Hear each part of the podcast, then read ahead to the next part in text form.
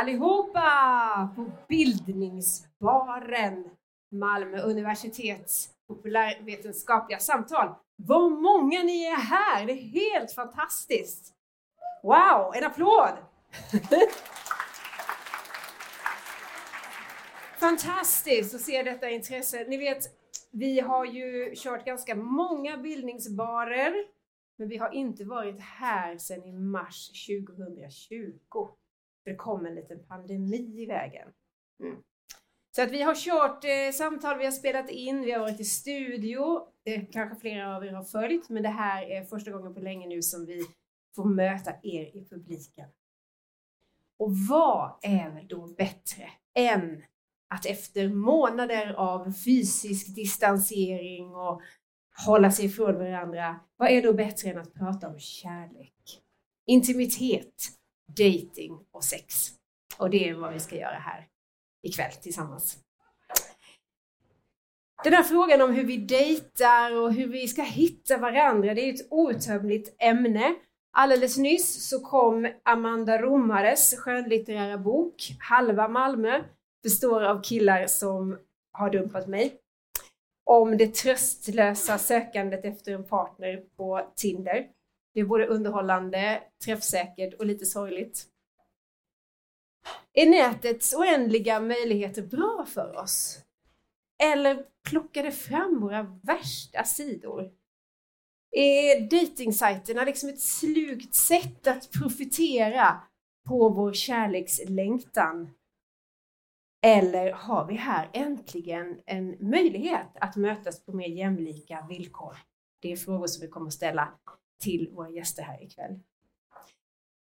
Kanske är det så att mötet med den stora kärleken är lika oberäkneligt och svårfångat som kvantfysiken. Så låt oss börja det här samtalet i fysikens värld. Välkommen Julia Ravanis, doktorand i teknikhistoria på avdelningen för teknik, vetenskap och samhälle på Chalmers. Ge henne en varm applåd.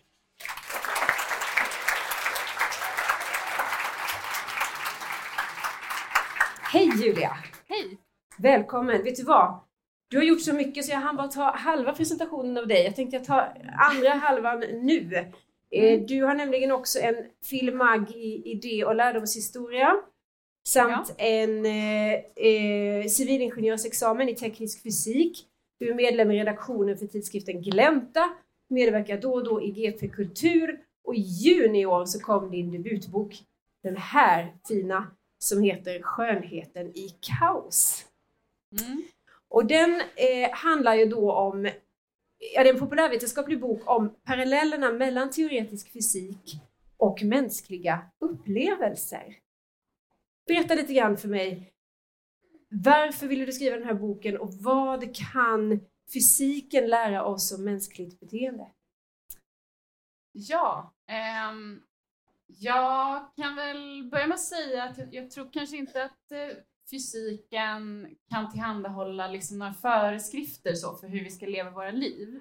Men det jag däremot eh, kände, och det kände jag när jag pluggade fysik på Chalmers, att det finns en massa kopplingar mellan teoretisk fysik, som är ju väldigt abstrakt eh, och märklig, svårfångat tycker många, liksom, och eh, ganska konkreta mänskliga erfarenheter som vi alla människor delar. Liksom. Det finns paralleller mellan dem. Och jag tror att de, genom att skriva om dem, skriva fram de parallellerna som jag försökt göra här i boken, så tror jag att man kan få en ingång både till, eh, till fysiken, alltså man kan väcka kanske ett intresse för fysik och, och få liksom eh, inleda någon slags förståelse för fysiken som kanske inte blir fulländad. Alltså, du kan inte förstå fysik enbart genom att jämföra den med mänskliga erfarenheter, men man kan få en ingång till den och ehm, eh, belysa liksom vissa aspekter av den teoretiska fysiken kan belysas med hjälp av mänskliga erfarenheter. Och på samma sätt tror jag också tvärtom att fysiken kan belysa vissa aspekter av vad det innebär att vara människa. Och min förhoppning med att skriva den här boken har väl varit att starta någon slags samtal om de här frågorna och inleda, väcka ett intresse och liksom ge en ingång till en diskussion som kan röra sig både om kvantfysik eller relativitetsteori eller den typen av abstrakta fysikaliska teorier.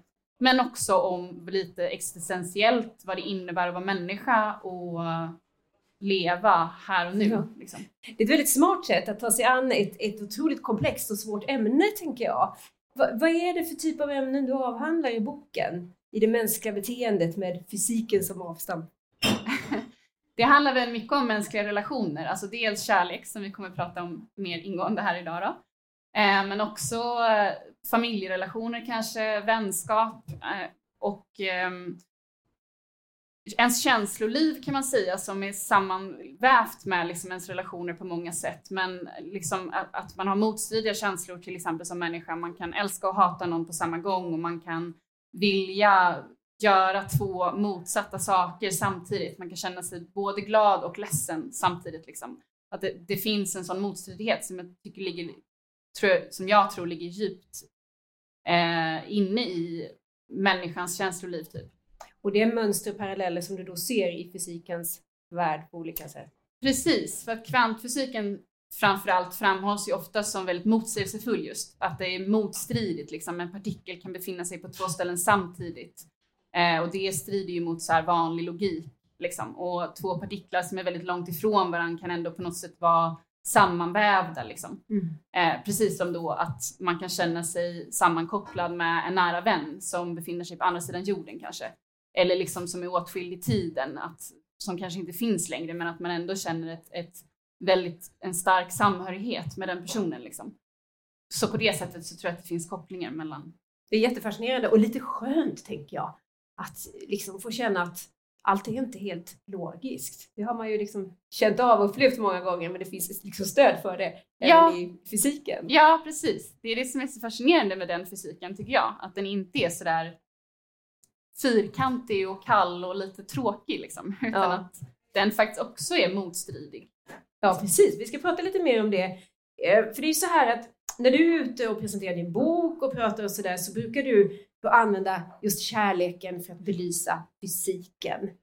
Men här ska vi försöka använda oss av fysiken för att belysa kärleken. Mm. Alltså går det? Ja, vi, får, vi ska väl försöka här idag så får vi se ja. hur det går. Vi ska ge det ett, ett seriöst försök. Jag tänker så här, vi lever liksom i en tid nu då vi eh, har väldigt många olika möjligheter, eh, många sätt att nå varandra, inte minst via datingappar och så vidare. Ehm, möjligen har vi blivit ganska sådär beräknande i det här att hitta rätt partner. Vi har listor över önskeegenskaper och utseende som ska uppfyllas. Vi skriver snitsiga annonser, lägger upp smickrande bilder på oss själva. Det känns som att vi kanske lämnar mindre och mindre åt slumpen. Allting blir så uträknat. Finns det stöd i fysiken för att ordningen i världen trots allt inte bygger helt och hållet på rätt eller fel? Ja, alltså det jag skriver om i boken är ju att Alltså att den teoretiska fysiken som är, handlar om de mest grundläggande delarna i världen, alltså elementarpartiklarna, de allra minsta beståndsdelarna som allting materiellt är uppbyggt av. Att de inte riktigt följer några strikta lagar. Att det liksom inte finns, de är inte helt förutsägbara. De liksom, det är inte helt kausalt styrt och det går inte att exakt beräkna exakt vad som kommer hända med dem.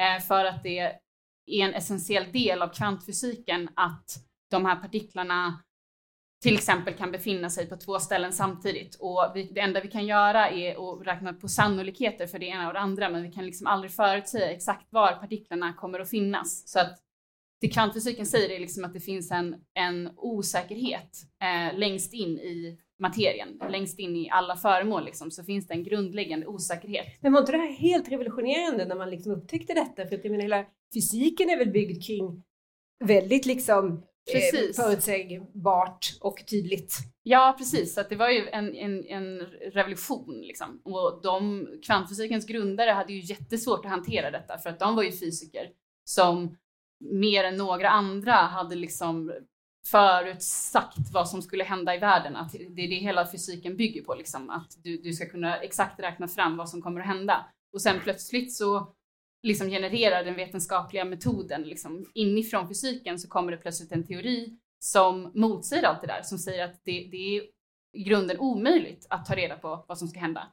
Och liksom det är också omöjligt att göra en, en objektiv mätning av någonting. Alltså, för fysiken bygger ju också på naturvetenskapen i stort, liksom. att du kan göra en mätning och ta reda på exakt vad, så, hur det ligger till och att den mätningen kan liksom den ändrar inte någonting utan att mätningen bara objektivt och neutralt liksom undersöker vad som kommer att hända. Men i kvantfysiken så är det inte så. Utan där, det är det som kallas osäkerhetsprincipen då som är Werner Heisenbergs osäkerhetsprincip. Jag förklarar den. Ja, han, han, han menade att, eh, eller han eh, kom på helt enkelt eh, att eh, det är omöjligt att göra en mätning på, ett, på de allra minsta partiklarna som finns utan att påverka dem markant. Liksom. Eh, så att du kan inte längre stå som liksom en, en kall och helt neutral eh, observatör av världen och bara liksom ta reda på hur världen ligger till, utan att så fort du gör en mätning på den här partikeln så kommer själva mätningen att påverka partikeln i fråga. Så att du kan liksom inte själva undersökningen eller frågan man ställer eh, påverkar svaret man får. Och här tycker jag att det finns en koppling till... Det gör ju det! Och här måste man liksom hänga med i tanken, för det här är spännande tycker jag. Det här med mätning påverkar objektet. Om vi ska översätta det till en dejtingsituation. eller en, en påbörjad kärleksrelation kanske. Precis. Vad är det som kan hända? Då, om man då är i början av en kärleksrelation och vill ta reda på hur seriös den relationen är, alltså man vill helt enkelt veta om vi är ihop eller inte. Så, så vill man, då är det någonting du vill ha reda på, du vill ställa den här frågan på ett sätt och vis och göra en mätning av din relation för att veta, få fram hur seriös den är. Men genom att bara ställa den frågan så kommer du att påverka relationen markant. För att det kan ju vara så att du ställer frågan liksom, är vi ihop nu? Och sen blir den andra vettskrämd och backar därifrån och tycker att det här som jag trodde var en casual relation blir plötsligt alldeles för seriöst och nu känner jag att jag inte alls vill mer. Och det kanske den personen inte hade känt om du inte, alltså om du bara hade haft lite is i magen då och väntat så hade, kanske, så hade ni kanske blivit ihop till slut. Men nu påverkades relationen av frågan.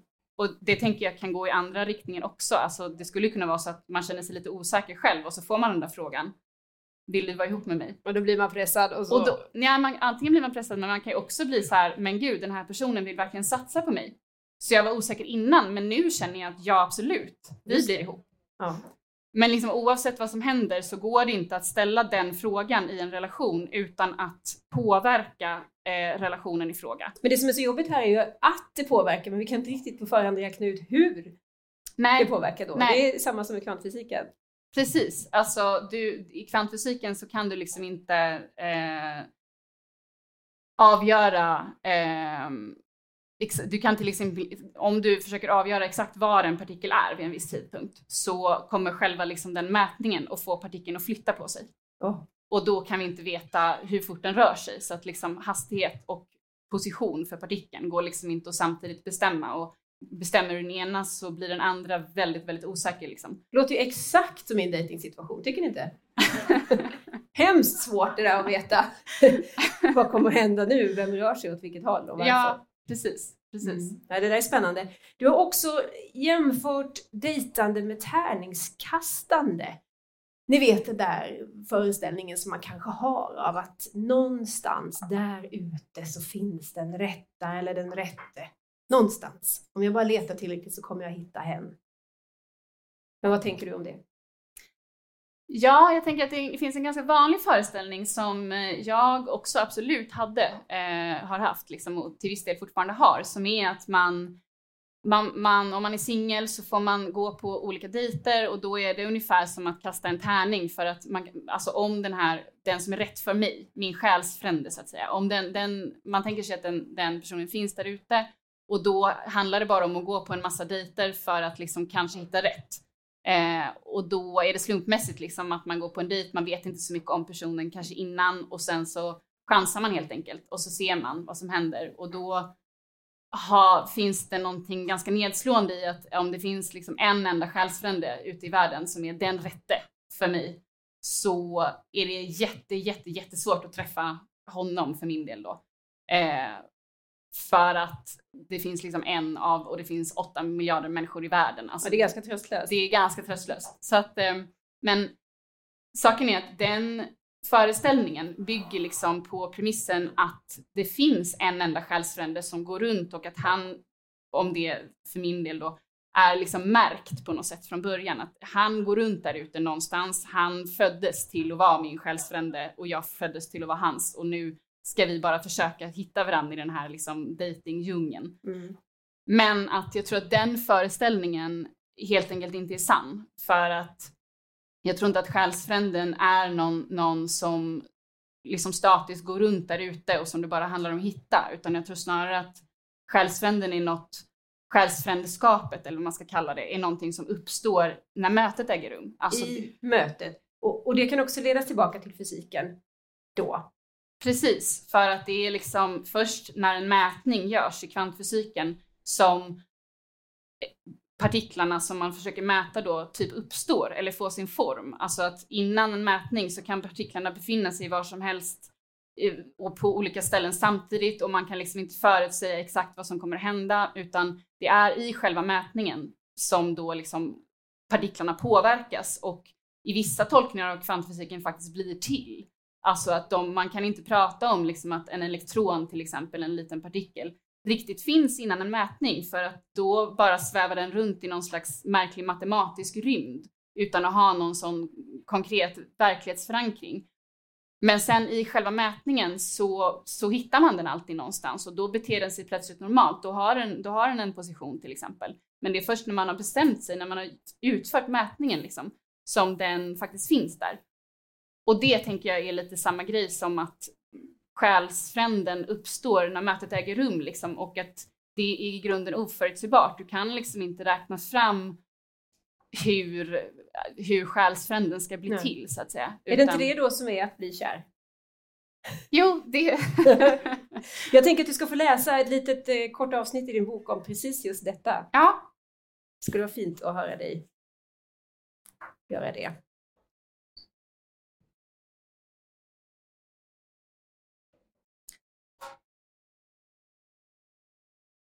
När man väl blir kär spelar förutsättningarna ingen roll. Då går det inte längre att analysera sitt tillstånd rationellt. Hur räknar man anledningar att vara kär eller att sluta vara kär? Det går inte. Det finns inga. Man, man blir bara kär. Själsfränden finns inte förrän mötet har ägt rum. Förrän någon har vågat ställa frågan om relationens allvar som likt osäkerhetsprincipen alltid märkbart påverkar just det den försöker avgöra. Men om det går bra bleknar alla andra möjliga partners bort, alla osedda Tinderansikten och alla kommande möten som skulle kunna leda till en relation. Precis som vågfunktionens oändliga räcka och möjliga utfall mystiskt kollapsar till intet vid en mätning och lämnar kvar ett enda tillstånd. En välbekant trygghet i kvantfysikens och livets oroväckande kaos. Julia Ravanis. Julia. Det är så vackert. Det är poesi. Och det lär oss någonting. Jag blev väldigt inspirerad när jag läste din bok. Man får nya, nya perspektiv. Vi ska fortsätta prata vidare om kärlek men vi ska få eh, in två stycken gäster till. Vi ska säga välkomna till Charlotta Lövgren Mårtensson och Kalle Norvald. Ge dem en varm applåd.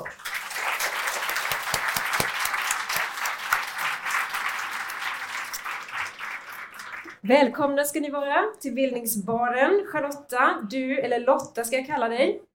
Du är professor i hälsa och samhälle, inriktning sexologi och sexualitetsstudier. Du är också auktoriserad specialist i klinisk sexologi och forskningsledare i ett program som handlar om sexuella trakasserier inom akademin. Varmt välkommen hit. Och så Kalle Norvall. Ni två känner varandra sedan innan. Du är alumn från Malmö universitets sexologiprogram. Men kanske ändå mest känd som eh, en av experterna i SVT-serien Gifta vid första ögonkastet. Ja, det beror ju på vem du frågar. Ja, jag förstår Men, det. Ja. Men jag tänkte så i alla fall. Jag har sett serien. Mycket bra.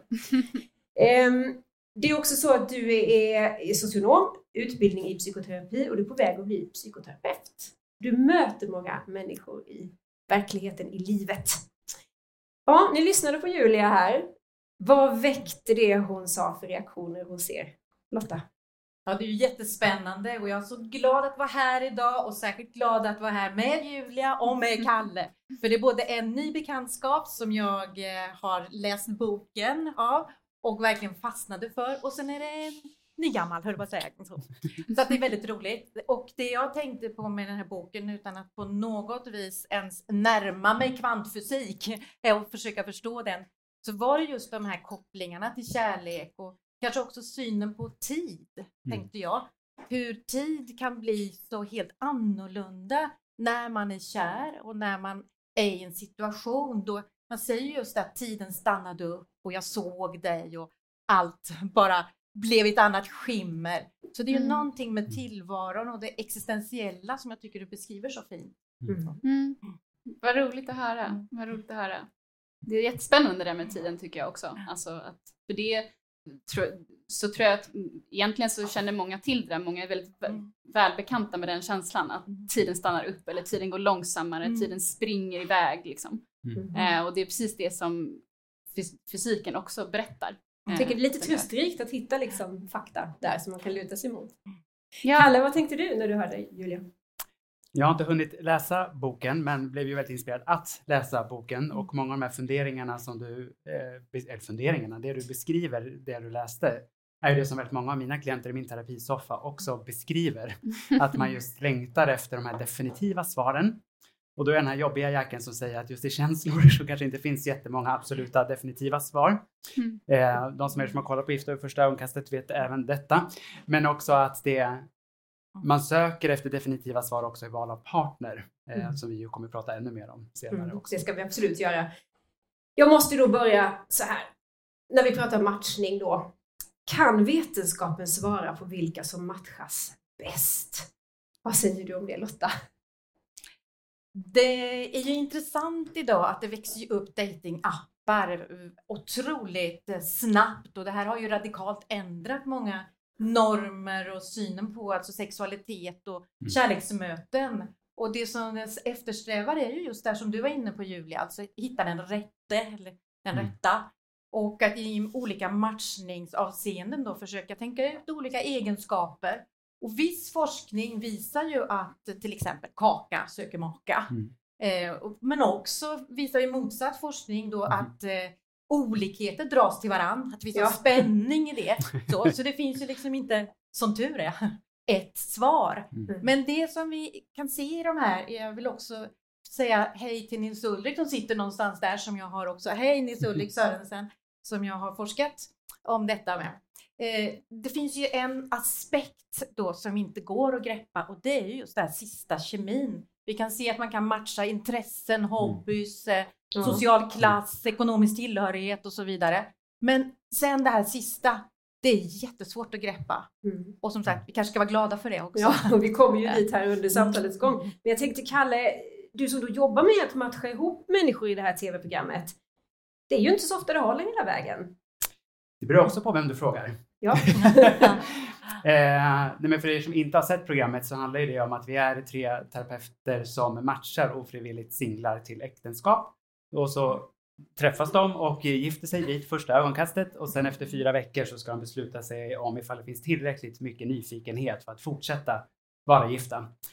Eh, och man brukar säga att det är ungefär ett par per säsong som håller över tid. Så det är ungefär då en vad säger man, success rate på 33 procent. Mm. Det är ju faktiskt ganska bra. Ja. Ja, det ja. tänker jag. Eh, sen tänker jag att det också finns, på tal om det här med matchning, att man tänker att matchning är liksom garanti och det är det ju inte. Nej. Utan Lotta har ju absolut rätt eh, i mm. att ja, men det här sista, det är också det. Ja, ja och det, mm. jag har i alla fall ingen spåkula att kunna se in i det. Sen slår det rätt ibland och ibland slår det jättefel. Och det vet vi ju inte förrän vi vet. Men jag tänker Julia här, eh, utifrån det du sa tidigare, att här har man ju verkligen ställt en fråga så att säga mm. som påverkar mätningsresultatet. Vill du gifta dig med mig? Ja. Mm. Ja, men den frågan svarar väl alla ja på? Eller det är väl...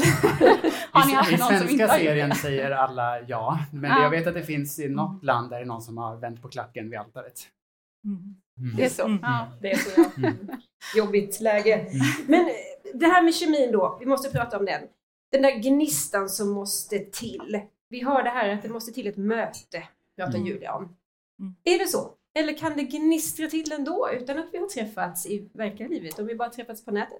Jag tänker ja, det kan det. Eh, sen kan man ju då igen prata om då kvaliteten på gnistran, eller vad man ska kalla det för. Alltså gnistan. Och upplever man den så är den ju där. Eh, och jag menar, det är ju det som många, bland annat de som söker till Giftförstörarkastet, men också många som kommer till mig för psykoterapi, som längtar efter någon. Och så är den här klyschan med att man är kär i kärleken och hoppas på det. Man vill så mycket. Så Ja, gärna. och så börjar man skriva med en person som just får det här pirret i magen att uppstå. Och då är ju gnistan där. Sen när man kanske möts så blir det någonting, alltså rent fysiskt då, för man har ju ändå möts digitalt. Eh, men man möts fysiskt så blir det någonting annat. Mm. Vad Kanske. tänker du om detta Lotta? Det finns ju forskning som visar att eh, du ska inte chatta för länge med någon som du matchar med. Så, för när man gör det, då har man också knutit an en mängd olika Mm. förväntningar, drömmar, tankar kring den här personen. Så visst kan det gnistra eller gnistra till där Tindra, i en... tindra tindra till, precis. I en, den typen av digital kontakt så. Och man kan matcha varann och hitta ett språk och ett sätt att skoja, prata allvar, öppna sig och så. Men saken är den att forskning visar då att när man ses, det är då det händer. Antingen då att det bekräftas den här känslan som man har byggt upp Mm. då genom att lära känna varandra. Eller också man bara tänker, det här var absolut inte den person som jag hade tänkt mig. Nej, just det. Så det gäller liksom att hejda sina fantasier där kan man säga. Får jag kommentera? Mm. Ah, nej men jag tänker att det är, eh, alltså att det, det, det här bygger väl på att det digitala mötet ändå är något annat än ett fysiskt möte. Och det tänker jag att eh, efter den här långa pandemin som vi har haft med alla dessa Zoom-möten, att alla känner väldigt väl till att de digitala mötena kan liksom inte helt och hållet ersätta Mm. de fysiska, för att det är ändå någonting annat som sker när man träffar någon på riktigt liksom. Och det, där- och, och det är där jag tror att oförutsägbarheten ligger, precis som ni säger. Liksom. Mm. Men jag tänker också att dejtingsajterna ger oss en, en chans att på något sätt våga öppna oss, våga berätta, Mm. våga beskriva. En del kanske har mycket enklare för det i text Mm. än att stå i en stökig bar. Liksom. Ja, jag tänker också för vissa grupper är det totalt avgörande att ha de här digitala plattformarna Mm. också. Jag själv är ett levande bevis på det. Jag, fått, Mm. jag skulle aldrig fått den här ringen om jag inte hade haft en digital plattform och träffa en person som liksom levde på landsbygden som jag inte Mm. alls hade någon syfte att åka till annars. Mm. Eh, så det är jag ju väldigt tacksam för. Mm. Mm. Eh, Men jag tänker också på grupper som kanske har någon form av funktionsvariation som tycker att det är svårt med talade språket och mötet så är ju de här digitala plattformarna oerhört viktiga. Kanske Mm. till och med livshållande. Och det här vet jag att du har forskat kring Lotta. Ja, och det gäller ju verkligen att se möjligheterna också. Så att, klart, även om vi har en kritisk blick på det så är det ju otroliga möjligheter som har förändrat och man säger ibland också som har överskridit tidsmässiga, hierarkiska, Mm. eh, landsbygd, eh, storstad, alltså möten mellan människor som aldrig annars skulle ha setts. Mm. Och detta kan ju vara särskilt betydelsefullt förstås för det som tidigare kallades för subgrupper eller kanske eh, marginaliserade grupper. Idag skulle jag säga att det här kan ju gälla vem som helst. Och att Men kan man det- se det i forskning då- att det verkligen har hjälpt vissa grupper mer än andra? Absolut, och jag forskar ju bland annat om människor med intellektuella funktionsnedsättningar och som många gånger lever i en väldigt liten, Mm. eh, kanske alldeles för skyddad värld. Och då öppnar ju de här möjligheterna upp med, via nätet, helt klart. Mm. Jag tänkte vi ska göra en liten historisk tillbakablick. För det är ändå intressant. Mm. Alltså hur har våra beteenden förändrats? För du Lotta, du har eh, tillsammans med en forskargrupp vid Göteborgs universitet så genomförde du en av de första enkätstudierna om kärlek och sex på internet. Du var också med och genomförde studien Sex i Syd 2016 och det där var en pilot Mm. innan Folkhälsomyndigheten sen gjorde sin stora Sex i Sverige-studie. Mm. Vad skulle du säga om hur våra dating och sexvanor har förändrats de senaste 20 åren? Och nu har vi ju inte oändligt med tid, men lite huvuddragen. Eh, Vi kan säga så här att en orsak till att vi gjorde piloten, det var ju att vi kunde se vilka stora samhälleliga förändringar som skett på 20 år sedan sex i Sverige då 1996 genomfördes.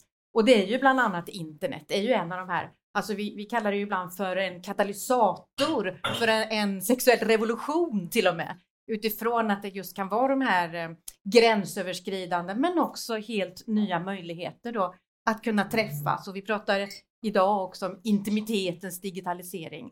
Men det som vi också kunde se det är ju att idag så är också samhället ännu mer mångkulturellt jämfört med hur det såg ut 1996.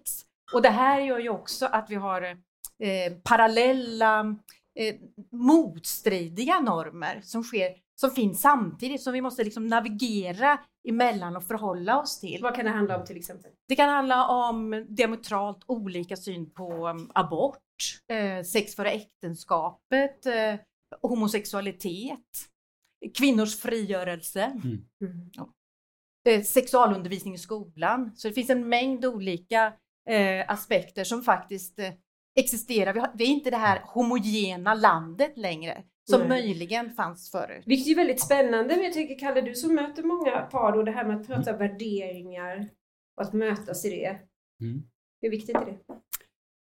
Man ser ju att eh, har man mer eller mindre liksom gemensamma grundläggande värderingar och det behöver ju liksom inte vara partipolitiskt men att det, man Mm. kanske har liknande människosyn så ökar det sannolikheten att man också kan förenas i mötet eh, och sen leva med varandra. Men ifall liksom en sakfråga som man skiljer sig från, nej men det är liksom ingen större fara. Om det inte skulle vara så att själva sakfrågan skulle vara så oerhört nu höll jag på att säga homosexualitet, det är ju Mm. jättekonstigt eftersom jag lever i en sådan relation. Men hade jag varit med en partner som tyckte det var konstigt, då hade vi inte Mm. blivit ett par. Nej, det hade Men att det-. Eh, men hade det liksom varit... Eh, nu ska jag bara komma på ett exempel. Vet, abort sa du först. Ja. Ja, det är Mm. kanske, ja, det är ju också en sån här viktig fråga i för sig. Ja, men det är men kanske för mig har varit jätteviktigt. kanske? Syn på barn. Eh, det, är, det är ju svårt att kompromissa kring att skaffa barn i och för sig. Man skaffar ju inte lite barn, utan Nej. barnet är ju där. Ja. Eh, men det är ju också en del av framtidsdrömmarna som förstås också. Det är också en av frågorna vi ställer gift vid första ögonkastet, vad de säger på framtiden. Och då säger de, jag vill absolut inte ha barn. Då matchar ju Mm. vi inte dem med någon som Mm. in, alltså, har Nej, motsatta precis. känslor. Men fler sådana trender, förändringar? En trend är ju, som vi ska komma ihåg också, att eh, vi är ju inte riktigt ett sånt öppet land när det gäller att prata om sexualitet som vi kanske tror. Och det innebär att vi kanske kan en hel del statistik Mm. som vi läser på löpsedlar från kvällstidningar, att svensken har eh, samlag 1,2 gånger i veckan och så vidare. Alltså det där är, är en sorts kunskap som egentligen är ointressant och inte, kanske inte ens sann. Mm. Och det som är mest tabu, det är kanske att prata om det existentiella, det här djupt liggande um, osäkerhet, um, känsla av eh, önskan om tillhörighet, gemenskap, att komma nära en annan människa i be betydelsen intim, det, i vidare bemärkelse. Mm. Det är ju en sak som faktiskt är tabu fortfarande. Och inte minst det som är kanske allra mest tabu idag, det är att säga att man inte har sex Mm. Okej. med någon annan. Är det så? Mm. Och det finns ju ett visst antal personer, det vet vi ju, som kanske aldrig har haft sex. Mm. Alltså då i betydelsen sexuella handlingar med en annan människa. Och det här är ju någonting som eh, vi kan se och höra informanter som berättar om att det här vågar man absolut inte säga. Det här är det mest Mm. hemliga, hemliga, förbjudna. Varför har det blivit så tror ni? och som inte vill ha det heller. Och så Alltså finns det också en grupp som inte vill ha, Mm. absolut. Mm. Varför är det så Absolut. farligt att prata om? Ja, det är ju en, en syn på sexualitet som finns, alltså i en av de här, om vi pratar om parallella normerna, så är ju en syn att, äh, att på sexualitet att det ska vara enkelt, äh, Mm. em, nyttigt, lätt, att vi ska klara av de här relationerna som kanske handlar om eh, ONS som det står i dating eh, eh, presentationer då, alltså one night stand. Då, att man ska klara det och sen kanske man inte klarar det. Jag tänker bland Mm. annat på då, eh, jag har dejtat hela halva Malmö. Mm. inte hela, men Ja. jag håller på att överdriva lite här nu. Ja, det. Ja. Och eh, den, det som hon lämnar ut i den boken, det är just känslan av avvisande. Ja, Och då är vi ju inne på den frågan också. precis. som är och hur man ska väldigt det. tabu, känsligt. Men om vi stannar kvar lite grann i det här med internet. För visst, det finns ju utmaningar där naturligtvis, men, men det har ju också öppnat upp jättemycket. Jag tänker det här lekfulla och att kanske som ni var inne på, hitta mer likasinnade, marginaliserade grupper, Mm. kanske lättare att hitta varandra. Mm. Eh, Men också kring, kring sex, liksom köpa sexleksaker, bara Mm. en sån sak. Liksom. Mm. Ja, och det var ju en sak som, eh, jag kan väl berätta om den studien vi gjorde i Göteborg då, 2003 publiceras den. Eh, först hade vi att det skulle heta sexualitet på nätet och sen, eh, det var jag och tre män och sen sa jag det kan ju heta kärlek och sexualitet. Och det innebar att vi fick för första gången en, eh, en svarsfrekvens där hälften var kvinnor och hälften män. Mm. Och det var också någonting som var helt nytt. Och det vi kunde se där, det var ju att eh, ehm, det var egentligen inte skillnaden mellan könen som var så stor, utan det var skillnad i gener- generationer. Och det Mm. betyder ju då hur starkt knutet vår syn på sexualitet är till vilken anda vi växer upp i, vilka normer, hur vi socialiseras in i sexualiteten. Ja, Just det. Ja, det där är intressant. Kalle, vad tänker du? Samma. Ja, vad bra. Eh, jag tänker Han är ju också, min student. Ja, precis. Jag vågar inte säga något annat nu. Eh, Men jag tänker Före att- detta, före du är klar, detta. du har en master. Jag är ja, visst ja, men då att jag håller jag inte med. Nej, du får, du får frigöra dig. Eh, tack. Men det här att det kan bli mer, mer lättsamt och mer lättillgängligt. Mm. Och, Ja, det, är ju, alltså, det här är ju ett jättegott exempel på de här icke-definitiva svaren. Det är jättebra för vissa Mm. och för andra är det inte lika bra. Eh, och det är ett klassiskt terapeutsvar, men att det för vissa har det varit avgörande att det ska vara lite mer lättsamt och också få njuta av det. Sen är det klart att som allt med livets goda kan det också bli för mycket mm. eh, och att man kan eh, må dåligt i det ifall man liksom bara cirkulerar och kanske flyr då för något annat och det är det som jag ofta jobbar med i Ja, terapirummet verkligen. också. men är vi då för fast i liksom, någon slags bild av hur det ska vara, vad som är idealet och att det blir plågsamt och jobbigt. Kanske framförallt för unga människor tänker jag som söker sin sexualitet. Ja, det tror jag. Eh, alltså vi blir matade med de här normerna egentligen Mm. i förlossningssalen. Hur vi liksom håller i barn beroende på genitalier så blir det ju, bara där ser man på vissa studier att det finns eh, olika intoningar och hur man använder sitt språk när man pratar med spädbarnet till exempel. När man gärna pratar här nere med snoppbarnen och här uppe när det är snippbarn till exempel. Jag brukar inte använda de här orden så här, men att just att man beroende på genitalier så pratar man olika. Ja. Eh, och det blir vi matade med gång på gång på gång på gång. Mm. Och det blir vi också med relationer. Alltså de av oss som har småbarn och läser litteratur för barn. Bara där ser man ju också väldigt många normer som sätter sig snabbt. Mm. Och, men jag kan också säga det då att det, det som överraskade oss i den här tidiga eh, kärlek och sex på internet, det var ju alltså samtidigt också att äldre kvinnor passade på och skrev då att oj, nu har jag för första gången beställt sexleksaker. Mm. Eh, oj, och nu känner jag att ja, jag vågar nog eh, prova detta och detta. Mm. Det här har jag tänkt på. Nu ser jag att det finns andra som, som gör eller pratar om eller som visar det som jag har längtat efter. Okej, Mm. för du har forskat kring äldre sexualitet och du har kunnat se liksom Mm. Att, att man gör på nya sätt även Mm. i den gruppen. Mm. Mm, spännande. Jag tycker vi måste prata lite grann om vad dating-situationen gör med oss som människor på olika sätt. Jag tänker på det här med uthållighet. Alltså hur uthålliga blir vi i att utforska en ny relation om man känner att nej men det är bara swipa så kommer det en ny. Vad tänker ni om det? Julia, har du någon tanke kring det? Utifrån ja, fysiken?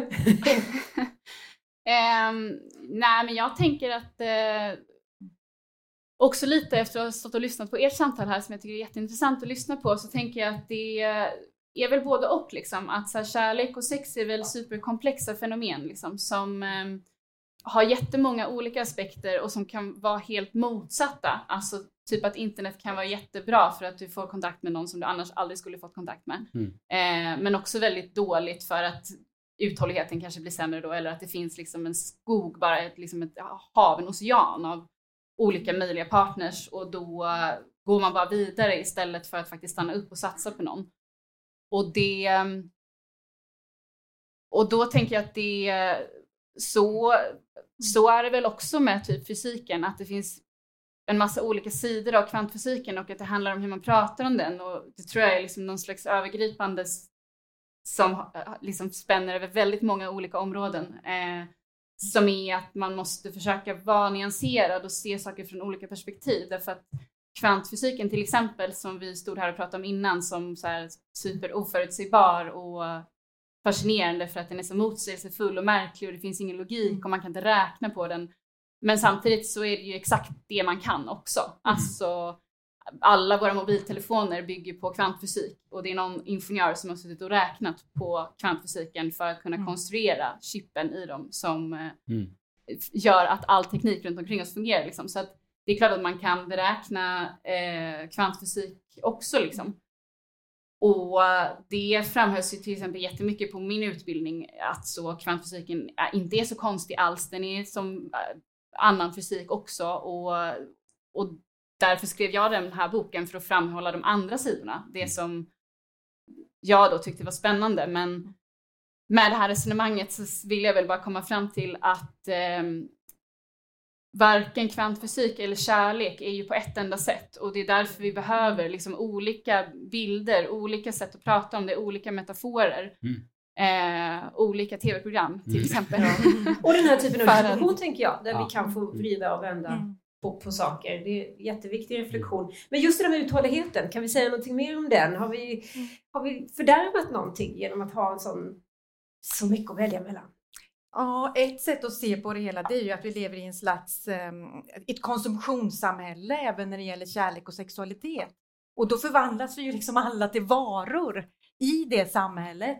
Och det är ju också, då kan vi titta på hur de digitala apparna konstrueras. De konstrueras ju dels utifrån att vi ska lockas till det. Vi ska lockas till att välja en, en app. Men vi ska också lockas till att där vill jag lägga ut mig själv Mm. som en vara. Och där hittar jag andra varor som motsvarar min plånbok. så, så, som det som, som, som jag vill ha och så.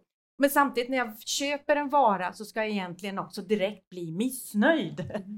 Eller osäker. Mm. Ungefär sådär som när man köper en julgran och precis har man tagit den och så, "Nej, men fasen den där var väl bättre. Men då har jag köpt den va. Så, så att det är liksom någonting i det här. eh, Eller man har så köpt, skapar. köpt bostad, man måste lämna hemmet direkt. Ja, ja. För att annars blir man bara helt Ja, precis. Så det är någonting i det här också som gör att du ska också lockas tillbaka. Ja. Så vi säger då initialt om du har varit lite kär eller dejtat lite och säger att jag har tagit en paus på Tinder. Paus? Mm. Ja, eh, helst vill man inte att den ska logga ut och, och ta bort, radera kontot. Va? Men då att ha kvar det här då som en extra reserv. Alltså det är ju Mm. någonting i appen som också säger, kommer tillbaka till dig och säger Mm. eh, hej, nu är det så här många singlar. De är Mm. nya den senaste månaden. Mm. Och då tänker man, Mm. Exakt, så det är, Så- så att det är konstruerat gjort. för att Ja, jag ska konsumera. Precis. Och det här pratar ju bland annat Bauman om, eh, flytande relationer Mm. och Giddens pratar om Mm. intimitetens omvandlingar. Och, så det, Mm. det är ju någonting som Mm. sker med intimitetens digitalisering. Mm. Jag tänker också att det som vi, vi terapeuter jobbar med olika typer av försvarsstrategier som vi människor gör för att undvika obehag. Mm. Så kan ju att ha kvar de här olika datingapparna och kolla vad det är för nya singlar som har dykt upp kan ju också vara ett försvar för att, ja men tänk om det här inte går. Att det liksom blir för ångestladdat att ta bort det och också utvägen ut i relationen. Att det liksom blir någon form av ja, men lite fobisk inställning till närhet. Att om jag och Lotta nu skulle bli ett par, Mm. Jag hoppas fortfarande, eh, så, Vem just det? Så vem har inte varit kär i dig Kalle? Ja, så, eh, jo, men så när vi Mm. försöker vår relation så blir jag ändå lite osäker för tänk om Lotta inte stannar med mig så Mm. kommer jag ändå sitta och swipa runt här för att Mm. se och ha det som sn- Jo men snuttefilt kanske är en bra metafor just för att det blir ett litet försvar för att inte behöva närma mig känslan av att eventuellt bli Ja. avvisad. Men är det inte också en kick? Tänker jag. Lite som allt annat som vi går igång på liksom. Jo, alltså vi Eh. får ju kickar av allt. Eh, Bara av att äta choklad så får vi en form av kick. Eh, Att eh, onanera får vi en annan typ av kick. Mm. Att dejta Lotta får man en annan typ av kick. Alltså jag menar det, det är över hela tiden så får vi kickar på Mm. olika slag som vi behöver ha för att ha lite som ett motivationssystem att komma framåt. Så de här kickarna är ju inte bara dåliga. Nej, det är klart att det inte är, men jag tänker också då det här att det ska ske det sker i mötet. Det måste göra att jag tar mig bort ur kickarna och vågar gå in Mm. i mötet. Mm. Vågar kanske Mm. vara sårbar Ja, då finns det ju andra relationella kickar man kan få istället. Ja. istället. Mm. Mm. Så då ska man lämna Tinder och ta sig ut. Mm. Mm. Men jag kan ju också säga det att det är ju många som beskriver den här känslan av att oj, titta så många som har gillat mig och min prestation eller min bild. Att det ger en känsla av att jag är ändå liksom värd någonting. Och, alltså det ger den här boosten. Och sen är det inte säkert att man ens kontaktar dem som man har matchat med. Och det här är det som Nils Ulrik och jag pratar om som Tinder-tystnaden. Mm. Man går och funderar över, vad tusan, Mm. så här många är det som gillar mig och varför svarar de inte Mm. om jag väl kontaktar dem? Så det är också någonting att det kanske är eh, många som vill ha bara testa, kanske också testa innan man ger sig av i ett äktenskap. Alltså, titta, hur, hur, hur står jag mig på marknaden så att Just säga? Mm. Men gör det här någonting med oss som människor och individer? Julia? Eh, ja, det är, klart, det, det, det är klart att det gör. Jag tänker att, eh, jag tänker att det nog eh, har många konsekvenser, kanske också för, alltså inte bara i liksom en dejtingsituation utan också att det här blir någon slags bild av kärleken som är större än bara när man dejtar utan också handlar om relationen när man väl får en relation. Att, att kärleken liknas vid en vara eller så. Liksom. Att den typ, det är ju en metafor för kärleken kan man säga, att kärleken är en vara. Och den metaforen tänker jag har även an, alltså större räckvidd för att om, du är, om kärleken är en vara så blir liksom relationen typ en transaktion eller liksom hela Mm. tiden kärleken är någonting som skickas fram och tillbaka och att det, jag tänker att den metaforen liksom belyser de aspekterna av kärleken som är lite transaktionella och de finns väl absolut. Alltså så här, tar du disken så tar jag tvätten. Ja, det. Mm. Det är väl klart liksom, Mm. de finns. Men Och då blir det Sen- sex. ja, just det. Men, men sen, är det, sen så finns det ju jättemycket i kärleken som inte kan beskrivas som en transaktion. Alltså det finns uppoffringar som du måste göra i en kärleksrelation som inte har någon motsvarighet. Mm. Alltså till exempel om det skulle vara så att man blir kär i någon som inte vill ha barn och man själv vill ha barn. Så Mm. måste en av de här personerna Mm. för att hålla ihop göra en uppoffring som är omätbar. Det Mm. finns ingen, in, Mm. alltså du, det, det är ingen disk eller inget sex som Nej. räcker. För att väga upp Mm. den typ förlusten av vad man, en, en framtid som man tänkte att man skulle få. Mm. Och det tror jag blir ett problem för att om kärleken är en vara så tänker man sig att den typen av uppoffringar inte ska finnas Mm. överhuvudtaget. Mm. Men de är typ en naturlig del av kärleken tror jag, för att du Mm. kan inte ha en lång relation utan att göra den typen av så här grundliga uppoffringar. Mm. Och därför så blir det bara svårare att ha en längre relation då, när kärleken ses som en vara. Men Kalle, det här måste du stöta på. Ja, jag nickar väldigt snabbt. Ja. Ja, ja absolut. Ja, menar du hemma hos mig eller? Ja, Nej, men ja, jag, både och. För jag tänker att relation är ju liksom per automatik det här kompromissandet hela tiden. Mm. Och vissa frågor går det ju liksom inte att kompromissa kring. För många är det barn. Eh, Alltså jag måste ha barn i mitt liv och det ska vara mina egna på ett eller annat sätt. Annars går inte det här. Och för andra kanske det är ännu viktigare vart man ska bo någonstans. Ja, men det kanske går att kompromissa lite kring. Bor jag inte här kvarteret vill jag i alla fall bo här. Och att man kanske kan vidga lite. Och där kan man ju kompromissa, men sen finns det vissa frågor det inte går. Och där fallerar det då. Mm, det är klart. Jag tänker det här hänger lite grann ihop med också precis i början när man lär känna någon. Eh, många av mina singelväninnor och sådär, de säger ofta att Åh, jag vill träffa någon men allt måste kännas rätt. Oj. Nej men det är ju omöjligt, Mm. tänker att allt ska kännas rätt på, vid ett möte. Alltså, men är det också ju- kompromissandets lag där då någonstans? Att, Men jag tänker, jag brukar säga att men så länge det finns någon grundläggande nyfikenhet på personen när man möts, ja men då är det liksom värt att utforska. Men sen om den liksom bara blir mindre och mindre och mindre ju fler dejter man går på, ja men då kanske det finns en poäng att inte fortsätta dejta den här personen. Men känner man inte liksom att allt är rätt på en gång, men att det är någonting som ändå är spännande, ja men då kan det finnas något där som går att bygga på. då ska man försöka hålla i eller? Ja, så länge man inte gör övergrepp på sig själv så kan man ju försöka i alla fall. Mm, just det. Sen är det väl också så, säger jag som sexolog nu då, Mm. att, eh, att det man kan se det är väl att många gånger så känns det de facto helt rätt från början. Mm. Och sen efter ett tag så tänker man, nej den här personen var inte den jag tänkte. Mm. Eller det här är en helt andra egenskaper, varför sa inte hen det här? Mm. Eh, hen gillar ju inte alls att gå promenad vid havet, som hen pratade om hela tiden från början. Så märker man efter tre månader, vi har inte gått en enda jäkla promenad. Mm. Ändå. Mm. Det är ju det intressant. Jag jag. att det, det är också den där införsäljningen som man ju Mm. gör. I den där annonsen med de där bilderna, Ja. vad är det för bilder vi vill Mm. ge av oss själva? Det Mm. kanske inte faktiskt stämmer överens med verkligheten. Nej, men i den här liksom Mm. förhoppningen om förälskelse så tänker jag att vi gärna vill porträttera oss så bra som möjligt. Mm. Det är ju också, det finns ju liksom bland alla djur, alltså att vi just försöker visa den bästa sidan av oss. Fjäderskruden liksom. Till exempel på fåglar som visar stjärtfjädrarna för att visa, kolla vad potent jag är. Så håller vi människor på, på andra sätt. Eh, och då är det inte helt konstigt att man sköna på sanningen lite och säga jag älskar att gå på strandpromenader och sen så kan, klarar man inte ens av det för Nej. att man hatar havet kanske. Ja. Men alltså det är just att man Mm. försöker ju sälja in sig men man gör det också i förhoppningen att få någonting tillbaka. Just Mm. som Julia var inne på. Mm. Hur är det att vara ung? Jag är inte så ung längre så jag måste ju fråga. Det beror på vem du frågar. Ja, det också. Eh, Men hur är det att vara ung idag och växa upp med alla de här möjligheterna men också utmaningarna? Jag vet Kalla, du är på väg med en ny bok i sexualkunskap. Mm. Ja precis, jag har skrivit en bok om ämnesintegrerad sexualundervisning som går till tryck idag. Ja, åh, en applåd till Ja.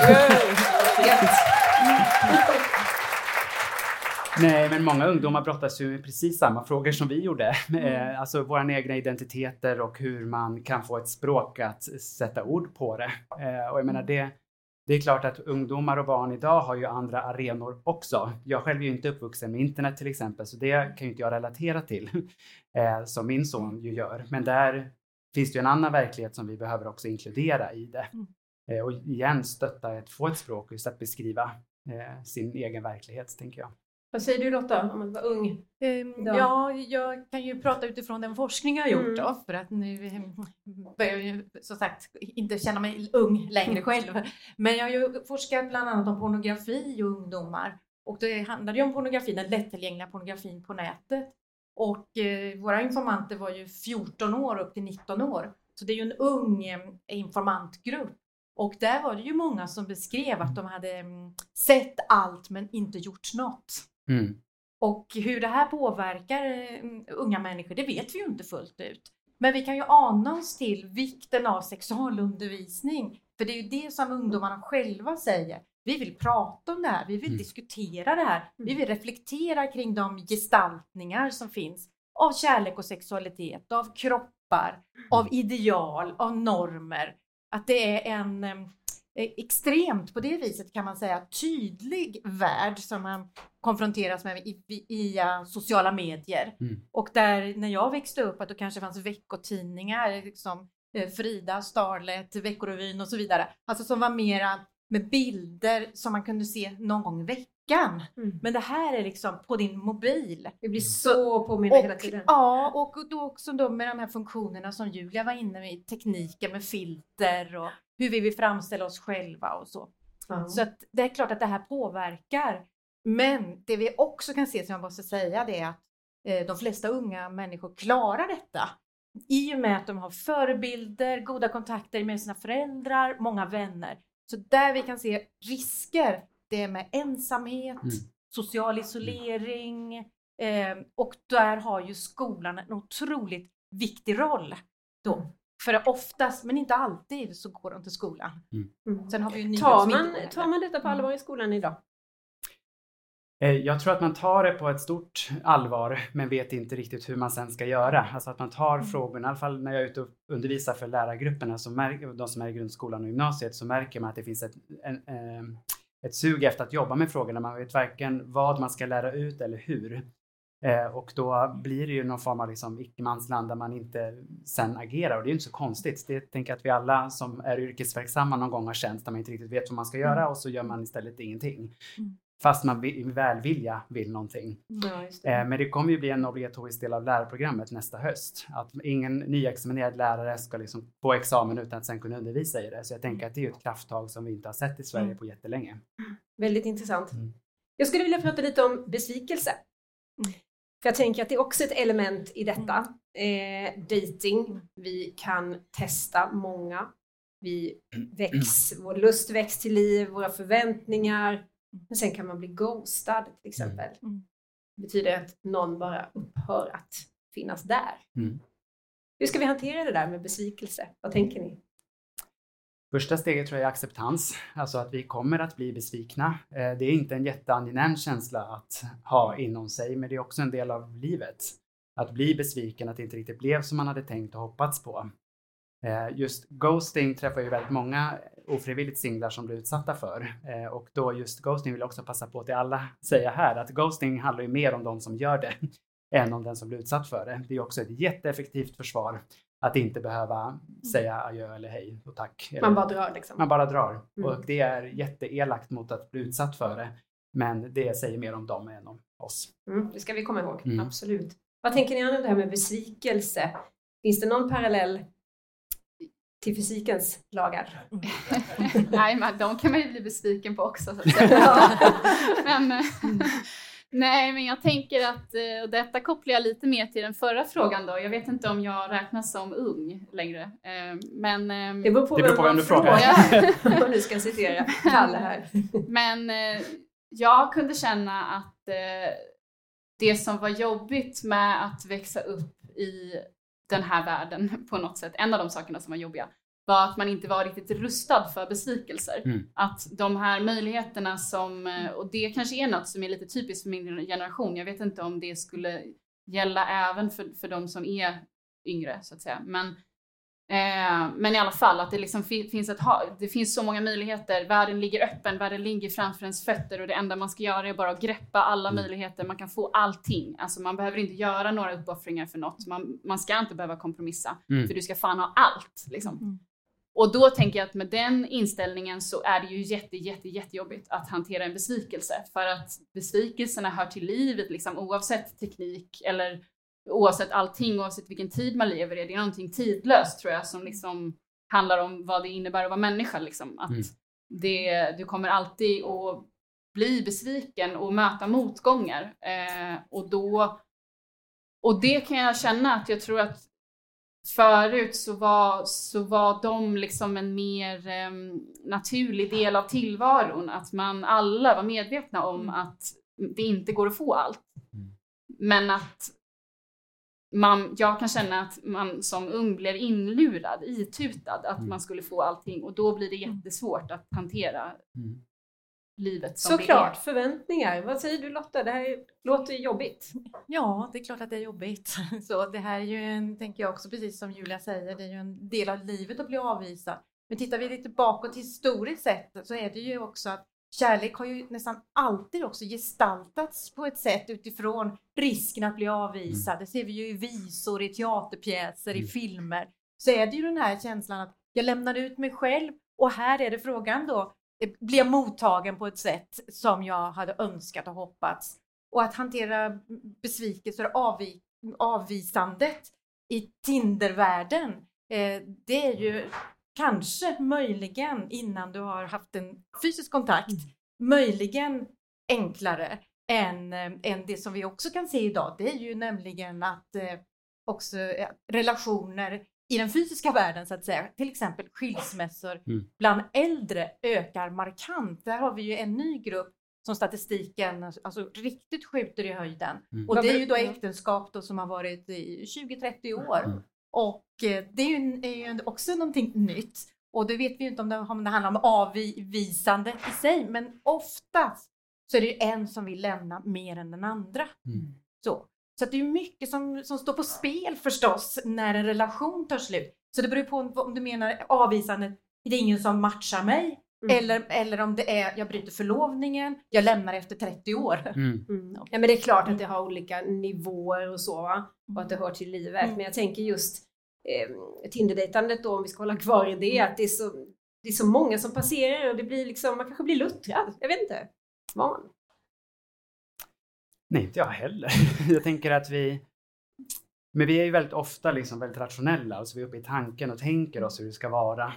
Eh, och det är ju det som jag då, jag är ju bara en uppsats bort och får min legitimation som psykoterapeut och jag är ju specialriktad mot så kallad affektfokuserad psykoterapi. Och då är ju liksom det rationella, alltså när man bara är uppe här och tänker logiskt på kärlek till exempel, ja men då blir det svårare att komma ner till känslan, för det är svårt att tänka känslor. Mm. Eh, och då tänker jag att det är klart, då tänker jag, då känner jag att det kan ju förstås också bli klurigt när man sitter bara och tittar och litar på en eventuell attraktion. Mm. Så hur ska man göra istället? Prova. Alltså jag menar, har man, har man suttit på någon, det finns också andra datingappar, såklart. public service-skadad. Men alltså det finns ju då, sitter man och gör samma sak hela tiden och inte får det att funka, prova något nytt. Alltså ibland behöver det inte vara så radikalt som det. Nej. Alltså att också gå med lämna apparna för en sekund då eh, Mm. och prova att träffa folk på annat sätt. Mm, såklart. Jag tänker att, att det vi är inne i nu som ni har pratat om och berättat om, det har ju skett väldigt snabbt. Mm. Utvecklingen går supersnabbt. Behöver vi också uppdatera liksom etik och hur vi förhåller oss till varandra? Behöver vi prata mer om det på något sätt? vi ska vara mer snälla mot varandra eller mer öppna? Ja, alltså jag har ju en devis att snällhet är väl det bästa som vi kan vara mot varandra. Så, och som ofta är någonting som faktiskt har nedvärderas i vårt samhälle. Mm. Så det är klart att vara schyssta och snälla mot varandra även Mm. på nätet. Ja. Så. Mm. Och att det kanske är någonting i det här opersonliga som gör att folk faktiskt uttrycker sig på ett annat Mm. sätt, hårdare, tuffare, elakare. Mm. Så. Och det tror jag vi behöver prata om redan Mm. från när när barn är Mm. små. Mm. Men Kalle och Julia, vad säger ni? Behöver vi en ny etik? Jag tänker att vi alltid måste prata om etik. Alltså vara snäll. Som vi, det är inte så att vi har snällhet som någon bristvara i världen idag. Eh, så jag tänker att det behövs såklart mycket mer.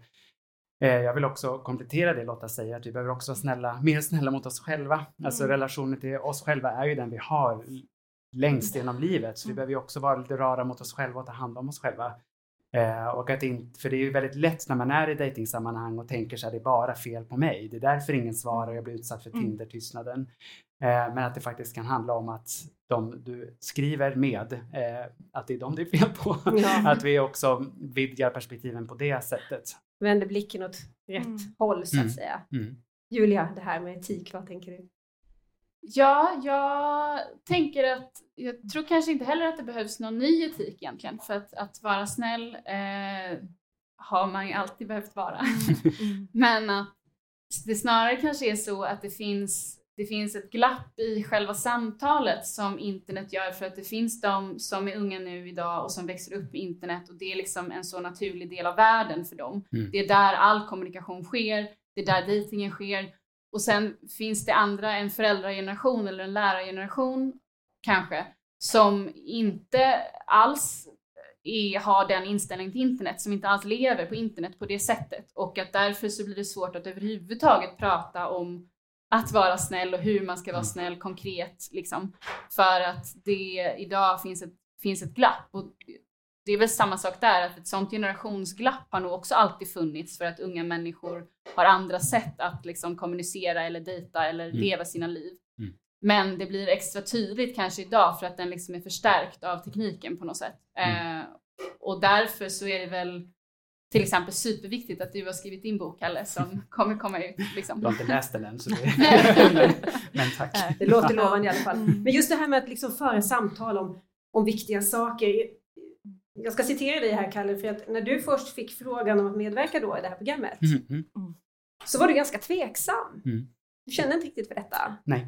Nej. Men sen har du ändrat dig och du har sagt att programmet är folkbildning i mellanmänskliga relationer. Gud vad pretentiös Ja. Men vad tycker du då att vi ägnar liksom för lite uppmärksamhet idag i förhållande till kärlek och sex och intim- intimitet och relationer? Vad borde vi liksom lägga fokus på?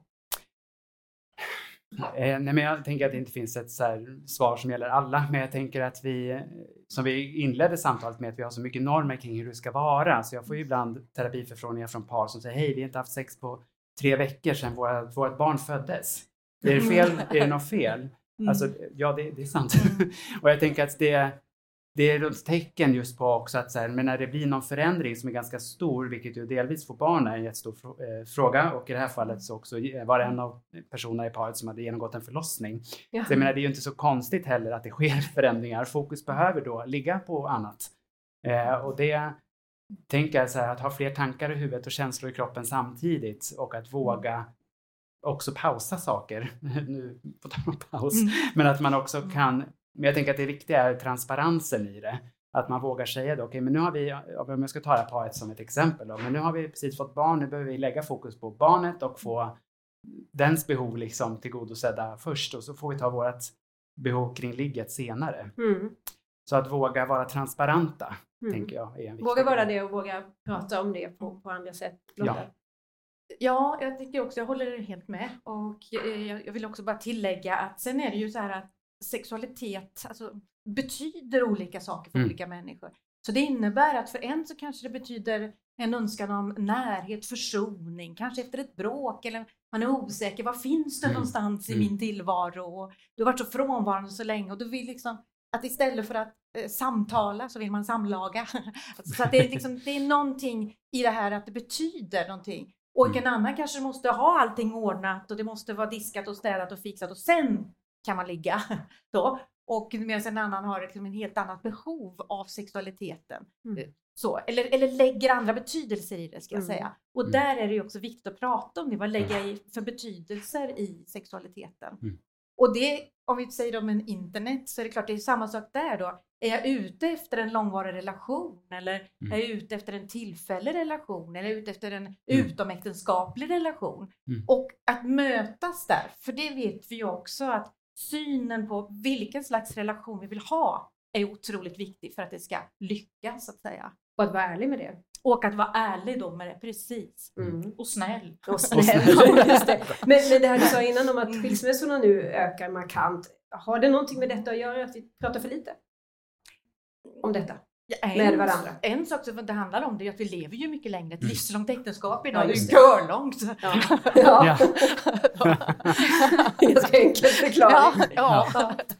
Ja, men jag tänker att vi ska inte heller bara tolka skilsmässostatistiken som negativ, att det är fler skilsmässor. Jag tänker att det också bygger på den här relationen till sig själv. Att jag är värd att vara i en relationell situation där jag faktiskt mår bra. Mm. Eller att man kanske har en tro på kärlek och sen så är det inte det här äktenskapet, nej men då vill jag hitta den någon annanstans. Mm. Att det kan också tolkas på ett väldigt positivt sätt. För jag tänker att om vi skulle ha en statistik där det visar att vi inte har noll, skils, alltså vi har noll procent skilsmässor, då hade jag blivit rädd. För jag tänker Mm. att det är ju en juridik vi har haft eh, i, över hela världen och det, Mm. de mådde nog inte så bra. Så jag tänker att vi ska också se det som en otrolig lyx att vi faktiskt får Mm. skilja oss. Ja, men absolut. Jag tänkte att vi ska sluta det här samtalet med den frågan som jag vet att ni alla sitter nu och väntar på. Och det är ju nämligen Finns det något framgångsrecept för hur jag ska göra för att lyckas hitta den rätta eller den rätte? Mm. Ska vi börja här, Julia? Ja, jag är väl den som är minst lämpad att svara på den här frågan. Ehm, Men eh, ja, jag vet inte vad mina bästa tips är riktigt. Alltså, Ska vi lita på slumpen tänker jag utifrån vad du sa tidigare att Ja. det finns en slumpfaktor där ute. ja, jag tror att man helt enkelt måste lita på slumpen för att slumpen spelar en roll. Liksom. Alltså, du kan inte bortse från den. Jag tror att det finns en väldigt en längtan och kanske ett behov av att saker i världen ska vara förutsägbara Mm. och ska gå att eh, man ska kunna efterleva en regel. Liksom. Till exempel så här, om man har sex en gång i veckan åtminstone så har man ett bra förhållande. Liksom. Mm. Eh, och, och den regeln fallerar till exempel om en har fött barn precis. Eh, och det kan vara jobbigt men att man, man, man känner liksom ett, för att man känner ett så grundläggande behov av det och det tänker jag var samma sak som så här, kvantfysikens grundare känner, att man känner ett behov att i, jag tror att det är därför många blir fysiker överhuvudtaget, för att man känner ett behov av att ordna världen, att hitta en mönster, en levnadsregel, ett, eh, ett sätt att liksom kunna beräkna vad som ska hända och vad utgången kommer bli av ens beslut eller av liksom ett experiment som man utför.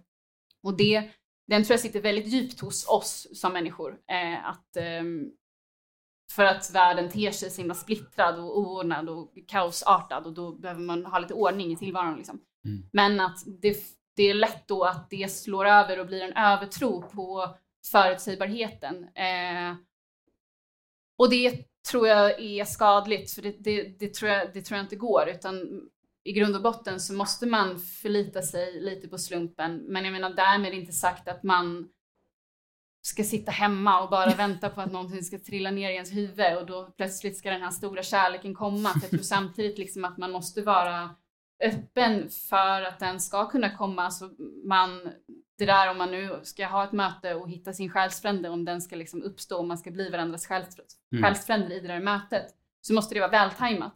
Alltså det måste vara när man är på rätt plats i livet och det måste vara när båda är inställda på att Mm. Jag kanske faktiskt är ute efter en relation här, att man är öppen för varandra. Och- För Då annars tror jag inte att det händer. Och då måste man agera på det och då måste man, alltså man måste ju anstränga sig själv då. Du, du måste liksom, samma sak som det här vi pratar om med, med transaktioner, liksom att du, du måste vara beredd på att bli besviken, att göra uppoffringar, att typ kärleken är jobbig liksom, för annars Ja. kommer du inte kunna hitta den. Jag tänker att det är som titeln på din bok. Att se Mm. skönheten i kaos någonstans. Att våga Mm. bejaka det också lite grann. Mm. Bra talat. Det är mitt bästa tips. Lotta och Kalle, vad ger ni för, alltså det är tips från, från coachen här på riktigt. Mm. Ja, nu gäller det. ja, nej, jag säger en sak och det är kontexten, sammanhanget.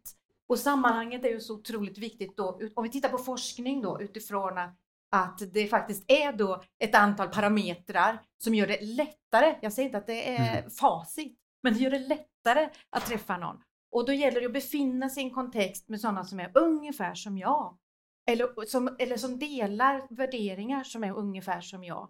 Så det innebär att om du är här i en ankdamm och eh, simmar runt och har sådana som inte alls är som du, kommer du aldrig hitta någon där. Du måste flytta dig hit. Mm. Och det är det också som gör att människor känner sig ensamma, för man simmar runt här och ser inte möjligheten att flytta hit. Och det där kan ju innebära både att byta dating app som vi var inne på, men det kan också innebära att öppna upp för ett sammanhang där det finns andra som skulle kunna vara potentiella partners. Så det gäller att hitta liksom, var finns mina potentiella partners? Mm. Så, och våga tro på det. Och sen våga chansa. Mycket bra tycker jag. Det tar, det tar vi alla med oss. Ska jag försöka komplettera här på något vis då, men jag tänker att trial and error är ganska bra. Eh, jag tänker att det är gift fint med det Lotta säger också, men också det Julia är inne på, att man behöver försöka på lite olika sätt, men också igen då vara snäll mot sig själv eh, och eh, våga vara transparent. Alltså vi terapeuter tjatar oss ju blåa i ansiktet om det här med kommunikation, men då landar man ofta i kommunikation till andra, men jag tänker kommunikationen också till oss själva. Att vi blickar inåt och tänker, okej, men hur, hur har jag kommit fram till att jag vill ha den här typen av partner? Var, var landar det? Eh, Vart har jag fått den bilden ifrån? Eh, att man också vågar kritiskt men vänligt granska sig själv. Och då tänker jag att psykoterapi är bra. Eh, det är bra. det finns det studier på att psykoterapi är bra. Alltså hörni, jag vet inte vad ni tycker, men jag har fått tusen nya tankar om det här med dating och kärlek och sådär. Vad säger ni? Men ni har många frågor kan jag tänka mig. Nu är det ju så här att vi inte ställer frågor från publiken, men, Ni har massa frågor men ni får inte ställa Nej, dem. nej, nej. Taskigt. eh, men så här är det, att vår kära panel, de finns kvar här i lokalen, så vill ni komma fram och prata med någon av dem efteråt så är ni välkomna att göra det. Mm. Det här får avrunda vårt spännande samtal. Tack Mm. så hemskt mycket för att ni ville komma hit. Mm. Julia, att du. Kalle. Ja, tack. Tack. Tack ska du ha. Tack ska du ha. Mm. Och tack till er i publiken. Och det är så här att vi har haft dubbla mikrofoner som ni har kunnat se. Så det här samtalet har spelats in som podd och kommer att gå att lyssna på efteråt. Så har ni någon eh, potentiell kärlekspartner där ute, be att de lyssnar noga. Tar intryck. Tack ska ni ha för att ni kom. Tack.